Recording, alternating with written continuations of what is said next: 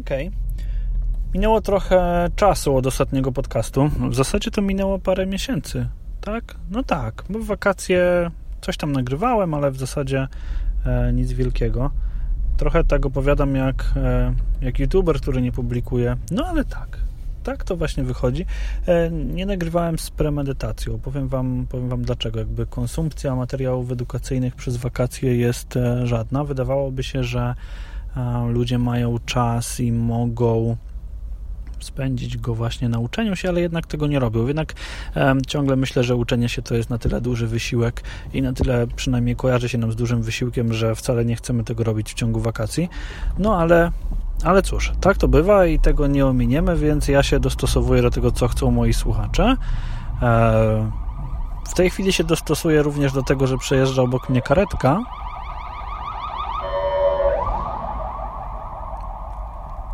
I przez chwilę przestałem mówić, e, tak samo jak przez chwilę przestałem nagrywać, ale to, że przestałem to robić, to nie znaczy, że przestałem myśleć o e, uczeniu i o kwestiach związanych z uczeniem. O czym chciałem dzisiaj? Chciałem dzisiaj o rzeczy, która.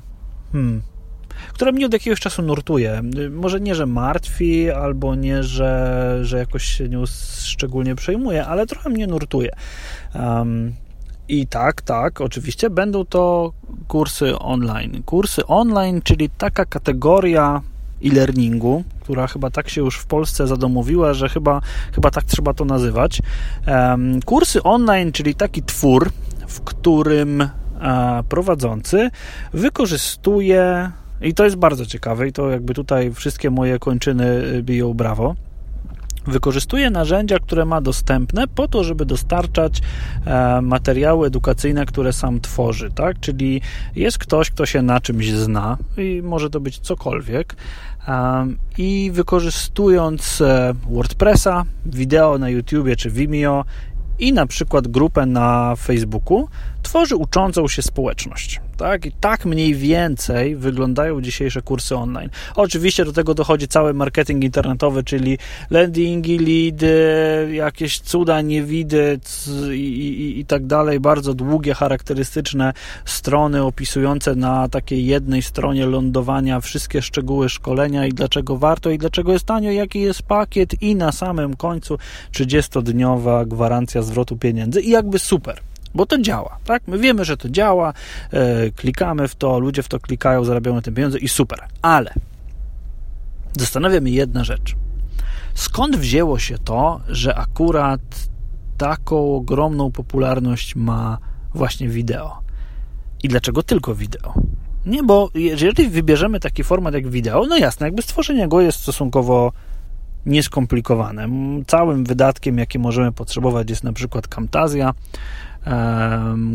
narzędzie do montowania takiego materiału wideo, pewnie green screen, aparat, kamera, może ze dwa światła i już możemy e, nieskończoną ilość takich kursów stworzyć, jeżeli tylko mamy e, pomysł na temat. Ale zastanawia mnie bardzo, dlaczego ograniczać się tylko do wideo i tylko do grupy, na której możemy zrobić oczywiście live, sesje, Q&A, cuda nie widy, ale dlaczego skoro w e-learningu jako takim istnieją naprawdę istnieje mnóstwo narzędzi, mnóstwo sposobów na to, żeby, e, żeby uczyć inaczej, żeby tworzyć interakcje, żeby tworzyć symulacje, jakieś kalkulatory.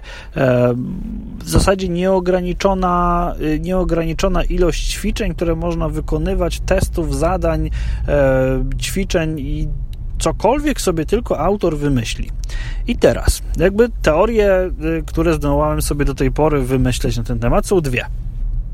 Teoria numer jeden mówi, że y, dlatego ludzie wykorzystują wideo, bo, uwaga, i tu będzie myśl przewrotna, ich odbiorcy nie są gotowi na nic innego. Tak? Odbiorcy szkoleń online są w stanie e, skonsumować wideo, które znają z YouTube'a, tak?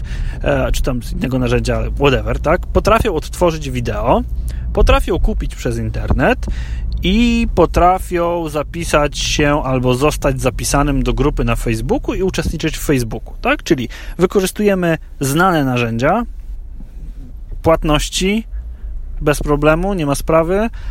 Potem e, mamy dostęp do kursu w postaci wideo e, plus e-mailing jakiś, e, nie ma sprawy. To jakby ludzie odebrać e-maila i zareagować na materiał potrafią, super.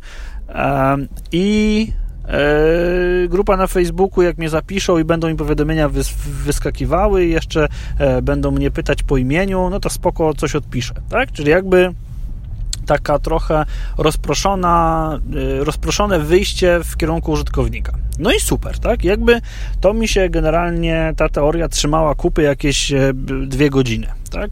Po dwóch godzinach zacząłem sobie sam kwestionować to, czy to faktycznie tak może być, czy to faktycznie ma sens, bo no, jeżeli, jeżeli rozpraszam sobie swoje szkolenie, tak, czyli mam je na swojej stronie, na swojej jakiejś platformie, pewnie WordPressowej, na Facebooku, na YouTubie, na Vimeo, gdzieś tam, to generalnie długoterminowo może mi się to trochę nie opłacać, bo ja tych swoich uczestników w jakikolwiek sposób nie mam w jednym, w jednym miejscu. Tak, ja ich trochę rozpraszam.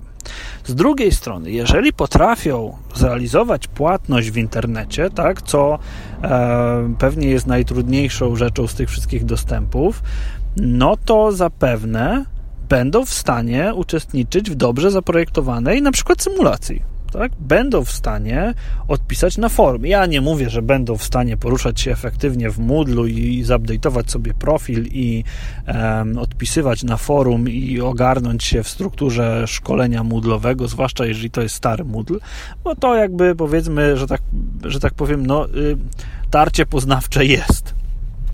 I jak ktoś Moodla nie znał i nie był przyzwyczajony, to pewnie na WordPressie to jest łatwiej, ładniej i, że tak powiem, dokładniej, ale nikt nie powiedział, że na przykład nie może takich rzeczy jak, nie wiem, H5P albo jakichś komponentów articulatowych, captivate'owych i innych wykorzystać do tego, żeby zrobić ciekawe interakcje, symulacje, e, bo głównie do tego bym, bym to zastosował, tak? Czyli jakby wykorzystanie każdego z narzędzi do tego, żeby, żeby jakieś tam elementy e, gdzieś e, embedować, tak? I dać użytkownikowi trochę więcej opcji, mm, takiego jakby podotykania tego materiału, prawda? A tutaj jakby no, dużo mamy rzeczy do pobrania, PDF, obejrzyj wideo, pobierz PDF, zrób zadanie, napisz na forum. Jakby to nie jest zła metoda, ona działa i jakby ja spoko, jakby nie mam, nie mam nic do niej, e, bo, bo, bo nie mam się tu do, do, do czego przywalić. Jak to jest dobrze zaprojektowane, to nie ma sprawy. Jak działa i sprzedaje, to tym lepiej.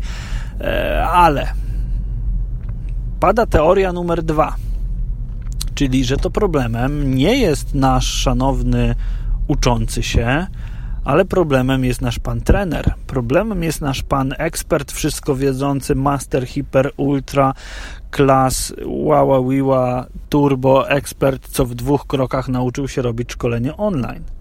I oczywiście nie mówię tutaj o tych, którzy te szkolenia online robią, sprzedają, bo, bo oni tutaj jakby sprzedają je z powodzeniem, bo nie ma się do nich e, o co przyczepić, bo robią to fajnie i robią, e, robią to jako jedną z wielu rzeczy, które wykonują. I tutaj nie, nie, nie, nie chcę, żebyście się obrazili, ale ale mam teorię, że właśnie i na poziomie tworzenia elementów interaktywnych i na poziomie projektowania i na poziomie mierzenia pojawia się problem z tym, że no nasz pan Supermaster Trainer nie do końca ogarnia wszystkie możliwości i uwaga, to nie znaczy, że to jest źle.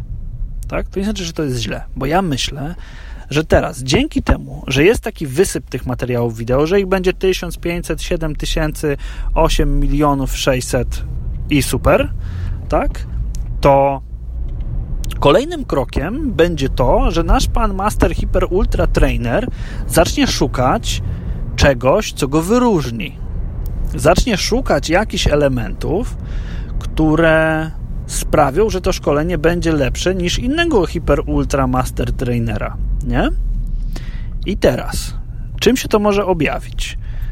Po pierwsze, objawi się to ilością gadżetów, czyli właśnie wykorzystaniem wszystkich wszelakich narzędzi do takiego e-learningu, e, e-learningu ekranowo, skormowo, e, znanego wszystkim z korpy.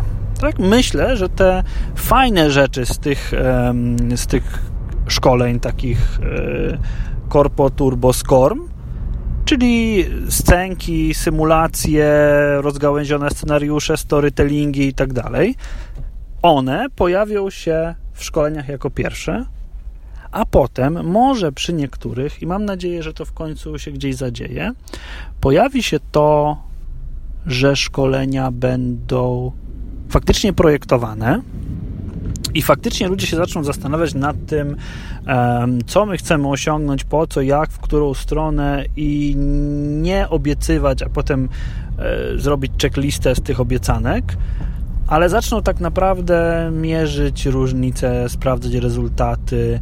Rezultaty nie tylko w postaci, e, w postaci z danego quizu testu, ale rezultaty w postaci, i to się też w tych szkoleniach w tej chwili wideo trochę dzieje, co mi się podoba, rezultaty w postaci konkretnych efektów, na przykład, nie wiem, nagranego podcastu, albo stworzonej prezentacji, albo stworzonego szkolenia, albo wykonanego jakiegoś konkretnego, konkretnego zadania, co, e, co myślę jest ogromną wartością właśnie w, w uczeniu online. A na samym końcu, jeżeli miałbym już tak zmierzać do samego końca, bo chyba wypada tego, to moje gadanie zakończyć, na samym końcu myślę, że przyjdzie czas na to, żeby mierzyć. Że wtedy zaczniemy się zastanawiać nad tym, co mierzyć i nie masować dane i, i obiecywać cuda, ale faktycznie mierzyć i, i czasami, cóż, wywalać ludzi ze szkolenia też. Bo jak zmierzymy, że się nie uczą, jak sprawdzimy, że nie robią zadań, to może będzie pora ich wywalić i wtedy sprzedaż spadnie. To może nie wywalać. Jak myślicie? No takie pytanie na dzisiaj. To wywalać ludzi, czy nie wywalać ludzi? Hmm? Zastanówcie się. Dzięki.